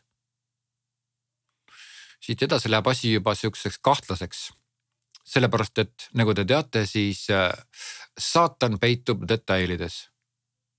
ei, ei, ei, keegi ei valeta uuringuga, jumala eest. Mitte ühtegi vale asja keegi ei räägi kusagil. küll aga käsitletakse asju sellisel moel, mil nad võimaldavad mõjutada rahva arvamust, sellepärast et uuring tähendab, kui, kui me üldse vaatame uuringut, siis uuring tundub olevat maailma kõige usutavam asi, eks ole, on mul õigus, jah? nüüd see ongi see suur kilp, mida kasutatakse ära. kui sa tahad nagu päriselt ka teha uuringut, siis, siis uh, uuri, uuri päriselt. uuri niimoodi, et kõikidele uuritavatele küsimustele saaks anda igasuguseid vastuseid, nii nagu mõned ettevõtted küsivad, et kuidas te olete rahul. ütleme, sa pöördusid kusagile mingisse ettevõttesse telefoni teel või kirja teel ja siis nad pärast uurivad, kuidas sa oled rahul. aga, aga, aga selles rahulolu uuringus äh, nendel interneti vormis, seal ei ole ühtegi küsimust, mis puudustaks seda, kas sa päriselt ka rahul oled ja kas sa said seda, mis sa tahtsid. mõned on siuksed jah, ja see ajab ääretult vihale, küsitakse, kas see teenindaja sind teenindas korralikult, jaa kas see teenindaja meeldis sulle, kas sa soovitaksid seda edasi? jaa. kas sa soovitaksid meie firmat edasi? Mm, võib-olla mitte. ja si ehk siis sind nagu mängitakse kusagile mingisugusesse auku ja sa tunned, et sa oled nagu pall, nagu keeglimuna, mis kusagile auku lükatakse, sa lähed rõõmuga veered sinna ja kolks hüppad sinna auku. ja pärast mingisugune turundusjuht või uuringujuht selles ettevõttes ütleb, näete, meie uuringu kohaselt kaheksakümmend protsenti inimestest on meie uur-, on meie nii-öelda klienditeenindusega rahul. ja see annab põhjuse arvata, et ka meie teenusega ollakse rahul jube mõnus, jube lihtne, rääkimata suurest uuringutest, mis Emor korraldab. juba, juba sa võid selle ühe küsimuse. Äh, kui tihti te olete viimase pool, sa oled meesterahvas näiteks. kui tihti sa oled viimase poole aasta jooksul pornot vaadanud? ja sinu ees on naisterahvas kes, kes selle küsimuse küsib, on. okei okay,, ei ole naisterahvas, telefoni küsitleja on no mida sa nüüd vastad siis? oled sa pornot vaadanud või ei ole? ära mulle vasta, see on podcast, sa ei pea mulle vastama. okei okay,, ei ole ei tütarlaps ukse peal ega naisterahvas ukse peal, ei ole intern-, ei ole see telefoniuurija, vaid on interneti vorm. ja nüüd, mis, mis sa nüüd vastad sinna, et kas sa oled pornot vaadanud või ei ole? nüüd, kui sa oled jurist, siis sa küsid, defineeri mulle porno. no ma ei hakka defineerima sulle porno, pornot aga kui sa mõtled, et okei okay,, ma vastan, ma olen viimase poole aasta jooksul vaadanud pornot, siis sa mõtled selle damn it. aga äkki, äkki on sellel pagana vormil peal terve kari mingisuguseid mingeid nii-öelda nuusutajaid, mingeid pugisi, mingeid kukisi, kes küpsiseid, mis pidevalt jälgivad seda, mida ma vastan, on ju. sul ikka on sihuke tunne, on ju no ja mis sellest siis on, miks ma sihukest küsimust küsin, aga sellepärast, et ja nüüd väga paljud vastavad, et ei, mina pornot ei vaata mitte kunagi. okei okay., ometigi on, on internet service provider ite kohaselt pornolehed Eestis väga suure vaadatavusega. kes nüüd siis vaatab? no mitte keegi ei vaata, okei okay,, hea küll, jätame selle pornojutu järgi, jätame selle pornojutu järgi. tead, sa oled turundaja, eks ole ju mine ükstapuha millise oma kliendi, ükstapuha üldse millise inimese juurde ja küsi, kas sa vaatad pesupulbri reklaami. ta ütleb jah, ma olen neid näinud, aga ma ei vaata neid. nüüd küsi ta käest järgmine küsimus, kas sa ostad tänu sellele pesupulbri reklaamile seda pesupulbrit? ta vastab sulle ei kaheksakümne protsendi tõenäosusega ei, ma ei osta, pigem see reklaam viib mind sellest pesupulbrist eemale. aga tegelikult tegelikult, tegelikult nende pesupulbrite müügid tõusid peale selle, kui neile reklaami tehti. kes siis selle pesupulbri ära ostis? uuring, uuringus öeldakse, me ei vaata, ei vaata reklaami. uuringust tuleb välja. Uuringuid on väga palju, ütleme, kas eestlased tahaksid seda või kas eestlased tahaksid teist, siis uuringust, uuringute puhul nüüd asi hakkab juba küsimusest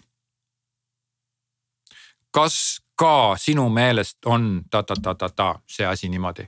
või näiteks sa küsid niimoodi, et äh, kas te usute, et mm, ma ei tea, Toomas Hendrik Ilves oli Eesti parim president või näiteks, kas teie ka arvate, et Toomas Hendrik Ilves oli parim president või kas teie meelest vastab see tõele, et Toomas Hendrik Ilves oli parim, ühesõnaga nagu te näete ühte sama küsimust saab küsida erinevat moodi ja pärast neid küsimusi, mida rohkem sa skaalal, pigem jah, pigem ei. mida rohkem sa skaalal neid, neid, neid, neid skaalasid paned, seda rohkem sa saad manipuleerida. ehk siis, kui sa tahad omale turundust teha, sul on suurem ettevõte, korralda uuring ja korralda uuring niimoodi, et see uuringut korraldav firma peab sulle saatma need küsimused ette ja need küsimused sa siis muudad ära vastavalt sellele, kuidas on vaja. ja uuringu tulemused sulle saadetakse, need presenteeritakse ja see uuringufirma on niivõrd sihukene kuulus, et sa võid tema nime kasutada ka oma nagu hilisemas meedias. ja läbi selle öelda, näete, kõige suurem leviala, kõige parem leviala. jah tõesti nagu päriselt ka või? kõige parem leviala, kõikide uuringute kohaselt kõige parem leviala. jah, no nii ongi, eks ole. ja, ja ometigi pole sul selle levialaga mitte midagi pistmist. mitte midagi pistmist, sellepärast et see leviala ongi täpselt nii, nagu see leviala on.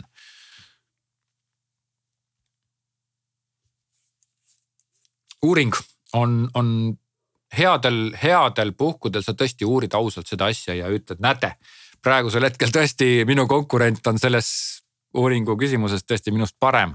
ja, ja anname oma konkurendile au, ole, ole, tõuse püsti, ole mees, ütle jah, tõesti näed, nemad on paremad, on ju. nüüd sa mõtled, et, et, et, et nii kui sinu kliendid seda kuulevad, nii nad lahkuvad ju kohe sinu juurest, eks ole. Nad näitavad sulle ust. Nad ei lahku mitte kusagile.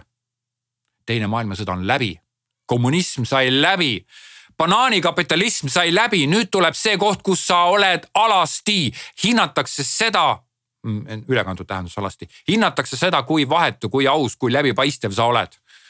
mitte seda, kuidas sa suudad mäkerdada, mätsida, vassida, peita, ka siis noh, mida iganes, eks. Ole aus, tõuse püsti, uuring on väga hea, annab sulle võimaluse olla aus, näidata hoopis teistsuguseid väärtuseid. Ja, ja kui sina olid uuringus esimene, siis ütled, näete, väga tubli. ma toon esile oma konkurenti, kes uuringus osutus teiseks. sellepärast, et tänu konkurentidele, tänu konkurentsile me üldse ju kasvame, eks ole. see nõuab meid pingutust, see nõuab meilt tegemist, see annab meile kätte suunad, me uurime klientide arvamust ja nii edasi-tagasi aga uuring on ka asi, mis, mis, mis noh. Uuringute kohaselt näiteks tehakse ka siukseid uuringuid, et uuringute kohaselt äh, kardavad väga paljud tundlike hammastega inimesed juua kuumi jooke. jah. päriselt ka või, aga miks sa selle uuringute kohaselt ütlesid, kus see uuring on? sellepärast ma ütlesin uuringute kohaselt, et äh, meil tehti uuring, see tehti Poolas äh, ja Tšehhis.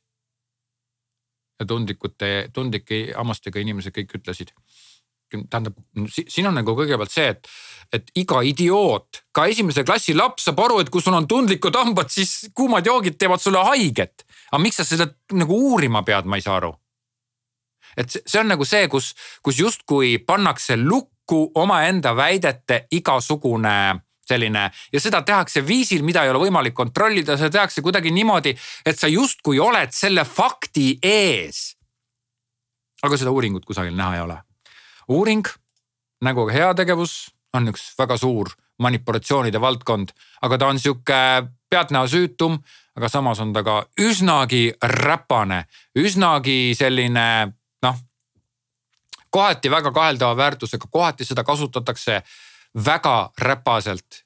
kui sa teed uuringu, ole läbipaistev, ära hakka mingisugust jama ajama, esita küsimused, tee need küsimused, võta spetsialistid, neutra-, neutraalsed inimesed appi tee see asi niimoodi, et ta oleks nagu päriselt sihuke põnev ja kui sa teed enda tarbeks uuringu, siis ära sellest räägi oma meediast. kui sa teed avaliku uuringu, siis anna kõigile võimalus seda uuringut nagu tõlgendada, siis äh, kutsu spetsialistid appi, et olla neutraalne ja ära vassi.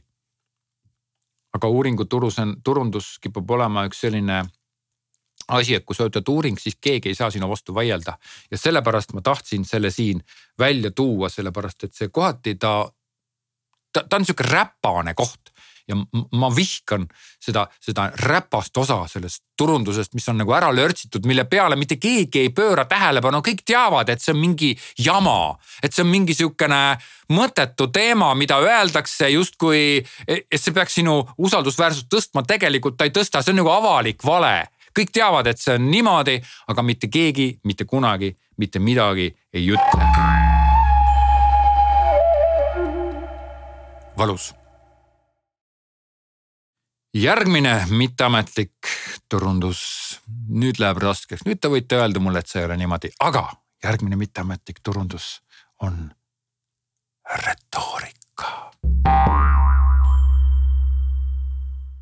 see on see, et äh, no võtame siuksed kõige lihtsamad nagu, nagu, nagu müüdid või võtame nagu, võtame, võtame nagu siuksed lihtsamad case'id, et, et noh, et et äh, Prantsuse auto on sihuke tehniliselt hästi halb, aga Saksa auto on tehniliselt hästi tugev. ja see on nüüd, see on nüüd retoorika, see viiakse läbi ja, ja noh, minu selline üks esimesi autosid oli Renault Clio ja sul on lubatud naerda praegult, sest et ma ei näe sinu nägu. ja ma ostsin selle uuena, ma ostsin selle salongist, sõitsin sellega salongist välja. infoauto mulle selle müüs. müügiprotsess oli väga konarlik, minust ei peetud lugu, aga ma ei saanud sellest tollel hetkel aru. aga noh, kokkuvõttes, kui ma selle ära ostsin, siis ähm, ma hakkasin märkama imelikke asju, et esiteks muidugi liikluses, sinust tahetakse kogu aeg üle sõita, see on väike auto. teenindustes sinu peale ei pöörata tähelepanu. Need, kes hääletavad Tartu maantee ääres, tollel hetkel veel hääletati ja need tahavad suisa, suisa hüppavad nende pöialdega sinu, sinu auto esiklaasi peale on ju kui nad näevad seda väikest Renault Cliot ja isegi ühe korra, kui ma tulin Tartust Tallinnasse tagasi, ma võtsin Neio, Neio peale ja me rääkisime temaga seal ilusti juttu ja, ja kusagil selle jutu keskel ta nagu küsis, et noh, et see, see, see oli hästi kummaline, et ta selle küsimuse küsis, sest see neiu ise oli, elas Saksamaal, ta töötas rätsepana, ta oli ennast üles töötanud ja siis ta mingi hetkel küsis minult sihukese küsimuse. Kuidagi niimoodi algas. Noh, kuidas siis see Renault Clio'ga on, sõidab hästi vä ma ei saanud tollel hetkel nagu aru, ma midagi aimasin, et noh, et see on väike auto, et noh, et ma ju, ma ei tea ilmselgelt, kuidas see Saksamaal on ja kõigil on ju suured džiibid ja autod on suuremad kui majad ja sa oled nagu uhke, et sa sõidad nagu suure autoga ja kalli autoga, et mina oma odava mõttetu väikese Renault'ga, mis on veel lisaks Prantsuse auto, tema nii-öelda arusaamas ei küüni lävendist ülespoole. aga ja mis saad edasi, see ei olegi tähtis, sellepärast et ega noh, mis, mis ma ikka teen, hästi arvad, küsib, mina vastu vaielda ei oska, ütlesin ja, ja sõidab hästi, normaalne auto ja. nii. aga kust ta selle küsimuse võttis ja miks ta arvas, et see vilets auto on? ma ei tea, vaat siit nüüd tuleb retoorika, eks ole sellepärast et see neiu ise autoga ei sõitnud tal ei olnud autojuhi lubasid. ahaa, ta ei sõitnud ise autoga, ta ei ole ise ühtegi autot omanud. aga, aga, aga kuidas sa oskad midagi sihukest küsida, kui sa ise ei ole kunagi seda autot omanud? no, mismoodi? sellepärast, et temani jõuab retoorika ja ja, ja nüüd, mis, mis selles retoorika sees on, mida sinna sisse pannakse, kuidas see mootor tehakse, millised on selle mootori halvad omadused, kuidas ta laguneb, mida tehakse? Ta-ta-ta-ta-ta-ta. ja kui ma selle Renault Clioga sõitsin, siis samasugune nii-öelda kuvand jätkus ka remonditöökodades, osaliselt autoremonditöökojad, isegi üks mees keeras mulle selja, ütles tema anomaaliatega ei tegele. Ja tõesti noh, et nagu, nagu noh, samas on see auto nagu iga teinegi. Auto nagu iga teinegi, aga see on retoorika. Jaa. sakslased on väga kõvad retoorikameistrid. nagu selgub, eks ole, mis sest, et äh, juute, noh, need, kes gaasi ahju pandi üksteist miljonit teise maailmasõja ajal. Juudid ju ilma rahata töötasid ju Volkswageni tehastes. no see on ju tühi asi, eks ole ju. Sprechen Sie Deutsch, jaa. Deutschland, Deutschland über alles, Volkswagen, meie auto, kõige parim, on ju muidugi, mis sest, et ta vassis nende saaste tulemustega, te kõike teate seda story't, aga Saksa auto on tugev ja hea. mis veel retoorika on, äkki sa tead mõnda retoorilist asja veel? no näiteks äh, toome, võtame mingi retoorika, ühesõnaga nii kui ma midagi mainin, nii, nii sa võid olla nii poolt kui vastu ja, ja ma, ma nii-öelda ma, ma pea, siis sa arvad mu kohta seda, et ahaa, et, et ma olen nüüd see mees, kes arvab nii. Veel kord, mina olen ülene, selle asja ülene, ma vaatan seda täiesti neutraalselt, aga ma näen, et on olemas retoorika. mis see tähendab, kuidas teha retoorikat? Sa töötad välja selle jaoks, et lihtsad inimesed, kes sinu kaupa tarbivad, saaksid kaitsta ennast teiste eest, kes ütlevad, küsivad, et näiteks prantslased võiksid praegu teha retoorika, et Prantsuse auto on kõige parem ja näiteks selles Äripäeva raadios on saade, kus räägitakse autodest, mingite autospetsidega ja seal on selgub, et tõesti kuni ma ei tea, esimese või teise maailmasõja, esimese maailmasõjani vist jah, et Prantsusmaa oli autode tootmises üks esiliin, esirinnas. peale seda tulid need ameeriklased peale oma suurte miljonitega, tegid selle nagu tehased, kus autosid nagu toodeti rohkem ja kiiremini ja, ja noh, peale seda said nemad kuulsaks, eks ole ja nad ei teinudki seda retoorikat, nad ja prantslastel üldse paar marki, mis jäid üldse, ennem olid veel mingid margid, aga noh. nagu selgus, siis on prantslased ikka päris autotööstuses väga olulist rolli mänginud. aga retoorika ütleb seda, et Ameerika auto on kallis ja priiskav ja Saksa auto on vastupidav ja mugav, eks ole. BMW see on retoorika. Ja, ja nüüd te ütlete, et ei usu seda, okei okay,, ärge uskuge, aga me võime siin tuua ka igasuguseid muid asju, ehk siis kuidas teha retoorikat, tuleme selle küsimuse juurde tagasi.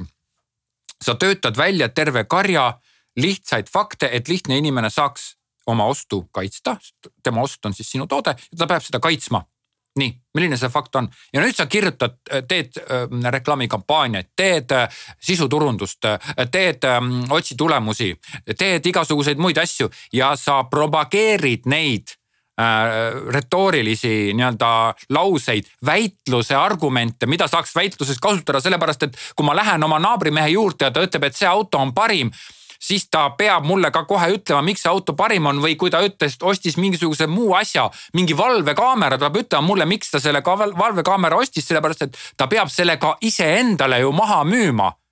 ja retoorika aitab müüa iseendale maha. miks sa tellisid selle, ma ei tea, kulmude tegemise nüüd, nüüd kulmude korrastamise, naisterahvast on jah, kulmud tehakse korda või miks sa näiteks lasid oma ma ei tea, rinnad suurendada või näiteks meestele.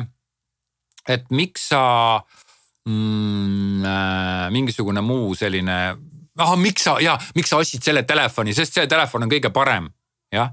nüüd sa ei ole võib-olla nii kuulus telefonitootja, aga jällegi sul on, sul on oluline oma sõnum välja saada, kui sa teed tavalist turundust ja teed sisuturundust, saad aru, see ei aita. sellest ei aita, sa pead oma turunduse optimeerima ja optimeerimiseks sa pead tegema midagi sellist, et see turundus leviks kaugemale, kui selle piirid on, kui selle võime on. ehk siis sa pead minema inimese pähe.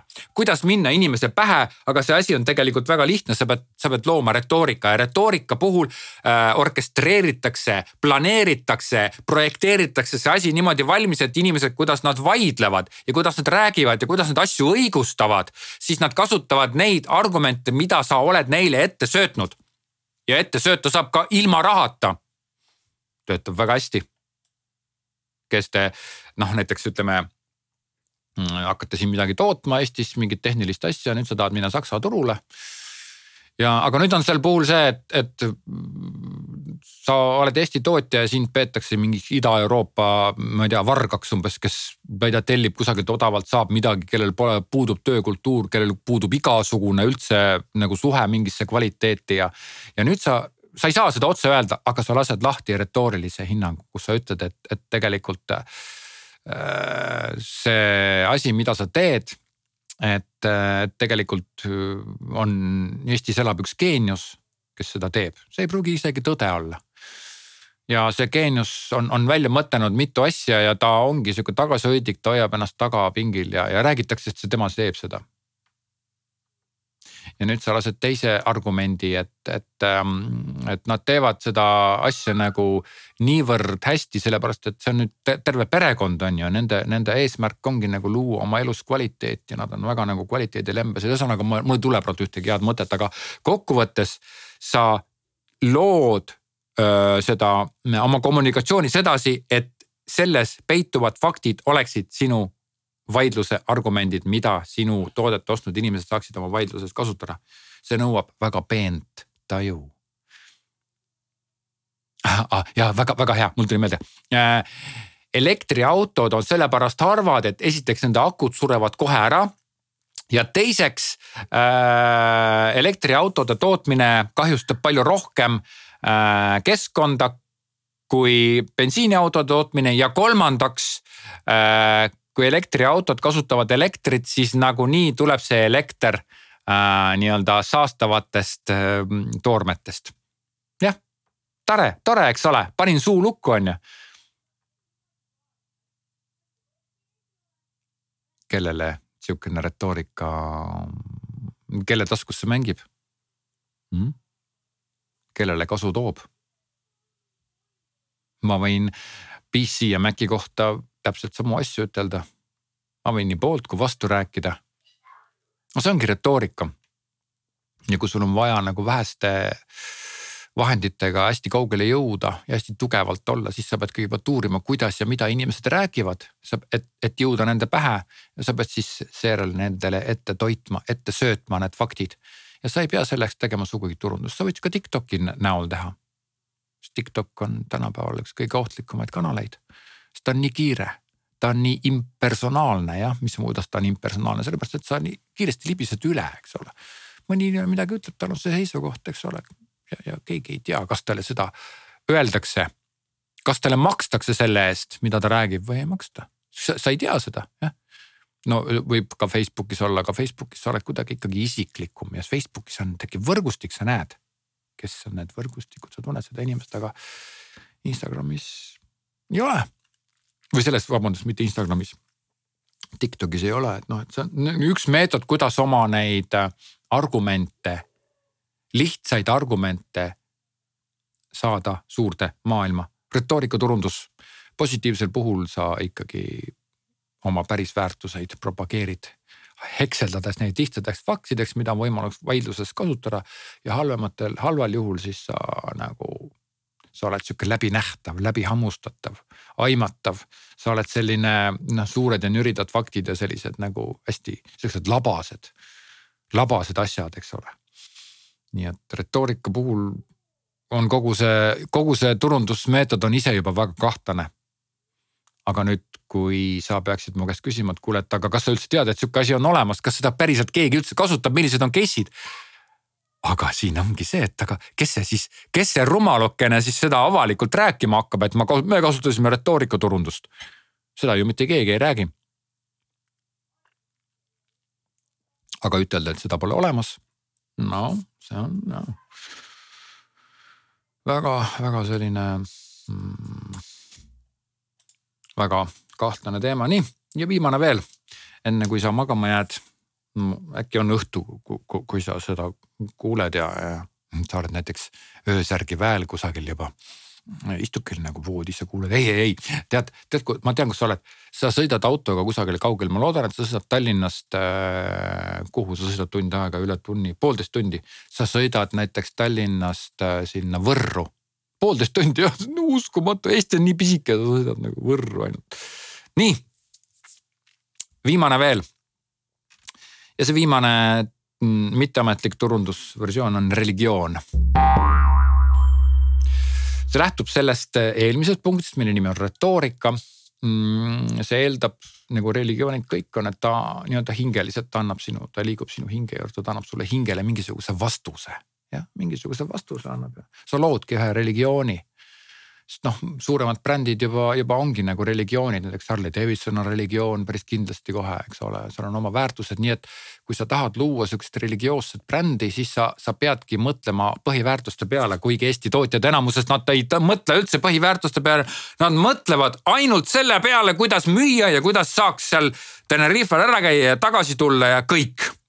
That's it ja kuidas saaks oma, kui sul on eramaja, et kuidas saaks sinna eramajja siis selle robot, selle muruniiduki, kõik, seo. tegelikult sa pead mõtlema tunduvalt kaugemale, kuidas mõtelda kaugemale? kaugemale mõtlemiseks on vaja mm, nii-öelda suuremat mõttetasandit, suuremat mõttetööd. ja see suurem mõttetöö on, on just nimelt nende hinge rahuldavate põhiväärtuste andmine, mida praegult, muideks Harley Davidson on üldse hävi, hävib oma brändiga praegult ja samamoodi ka väga paljud teised brändid, eks ole. aga nüüd oleks aeg luua uued religioonid jah. millised on need uued väärtused, millised on ühiskonnas kehtivad väärtused? autod on, mitmed on ka juba nagu religioonid. et noh, et ta ei peagi nii levinud olema, aga ta on religioon et, et sa, sulle meeldib niivõrd palju see, et sa tõesti hakkad seda juba, juba nagu noh, ma ei tea, kas just palvetama, aga noh, põhimõtteliselt see ei ole enam retoorika, mingid lihtsad väidete kogumik, vaid see on midagi, mis sinu hinge, mis sinu hingele väga palju rahu annab, eks ole. Telefon, no iPhone, ma ei tea, ta ei ole veel religioon, võib-olla on ka. aga, aga mitte nii sest et religioon annab sinu hingele selle vastuse ja kui retoorika puhul sind sai ümber rääkida, siis religiooni puhul sind ei ole võimalik ümber rääkida. see lihtsalt on võimatu. ja kuidas religioon on ohtlik, siiamaani nagu me religioonidest näeme ja üleüldse sellest, mis tavainimesed teevad, me näeme seda, et kui maailm ja tema tõekspidamised muutuvad, siis sinu religioon hävib. nii kristlus, nii muhameedlus kui kõik need Jehoova tunnistakesed, kes on alati nagu suhteliselt nagu väikest inimeste gruppi kantseldanud, nii on ka Harley Davidson. et need tõekspidamised, mida, mida ta nagu selles religioonis nagu edasi andis. Need tõekspidamised noh, nad, nad kahjuks vananesid.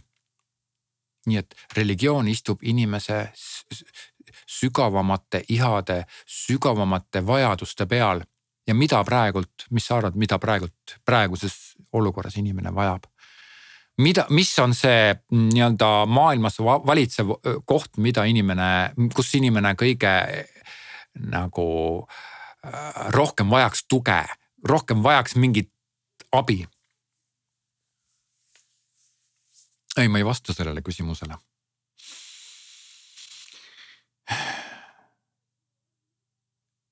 kuidas ma üldse jõudsin selle turundusest rääkimisega religioonini? sest et äh, religioon on midagi sellist, mis tuleb nagu juba ette sisse planeerida kõigist nendest hulgifirmadest, kes tegid oma tööd lihtsalt selle jaoks, et teenida oma igakuist pappi. Nendest ei tule mitte mingit religiooni. Nad ei suuda isegi, võib-olla parimal juhul suudavad retoorikaga nagu midagi korda saada, aga religiooni nendest ei saa. Eestis ei ole ühtegi religioosset brändi. mitte ühtegi, sest et ma ei tea, võib-olla mõni on aga noh, Eestis võtab mitu põlvkonna aeg, mitu põlvkonda aega, enne kui see kommunism nii-öelda inimeste mäludest ära pühitakse ja mitu põlvkonda on kasvanud ja arenenud kapitalismis, on harjunud nagu õigete väärtustega tegelema, noh siis. sealt kusagilt võib-olla tuleb see, see religioossed brändid, mis on suured, miks ei võiks Eestis olla siuksed üle maailma kuulsad religioossed brändid? Bränd, mis on peaaegu nagu usund.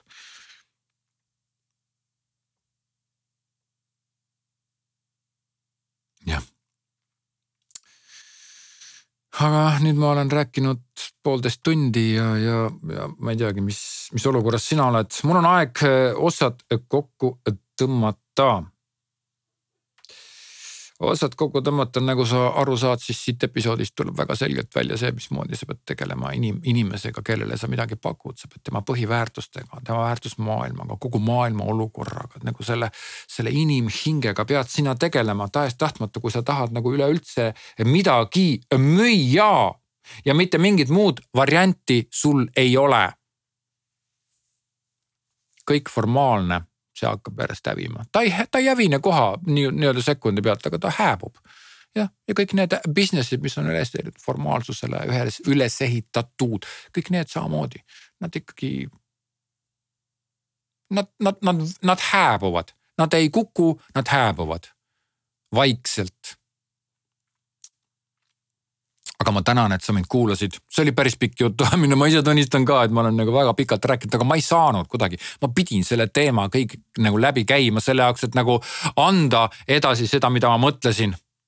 ja kõik selle episoodi jooksul kasutatud helid on pärit helipank.ee-st ja kui sa tahad minu e-kursuseid võtta näiteks, siis mine online.opime.ee, sealt saad ja kui sa tahad minu teenuseid tellida või kasvõi konsultatsiooni, siis mine uhu.ee, sealt näed, mida ma pakun oma konsultatsioonis ja sellega see monster pikk episood nüüd lõpeb. ole tubli, ole terve, kirjuta mulle kommentaari ma olen üsna kindel, et sa ei kirjuta, aga sa võid mulle kirjutada kommentaari, et mis, mis mõtted sul pähe tulid? kas sul üldse tuli mingeid mõtteid pähe, kui sa kuulasid minu juttu või? okei okay Ciao.